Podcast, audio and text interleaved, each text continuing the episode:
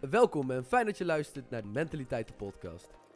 Maar als ik niks veranderd word, denk ik van ja, ben ik nou echt de enige? Maar ik, als, ik, als ik naar mijn vader kijk, die, die deelt zijn hele levensverhaal nog met de cashier bij de Jumbo. In elke rampzalige ervaring eh, zit uiteindelijk ook iets waar je iets mee kan, gek genoeg. dat is sowieso over de grens gaan. als jij het prima vindt, niet dus, toch?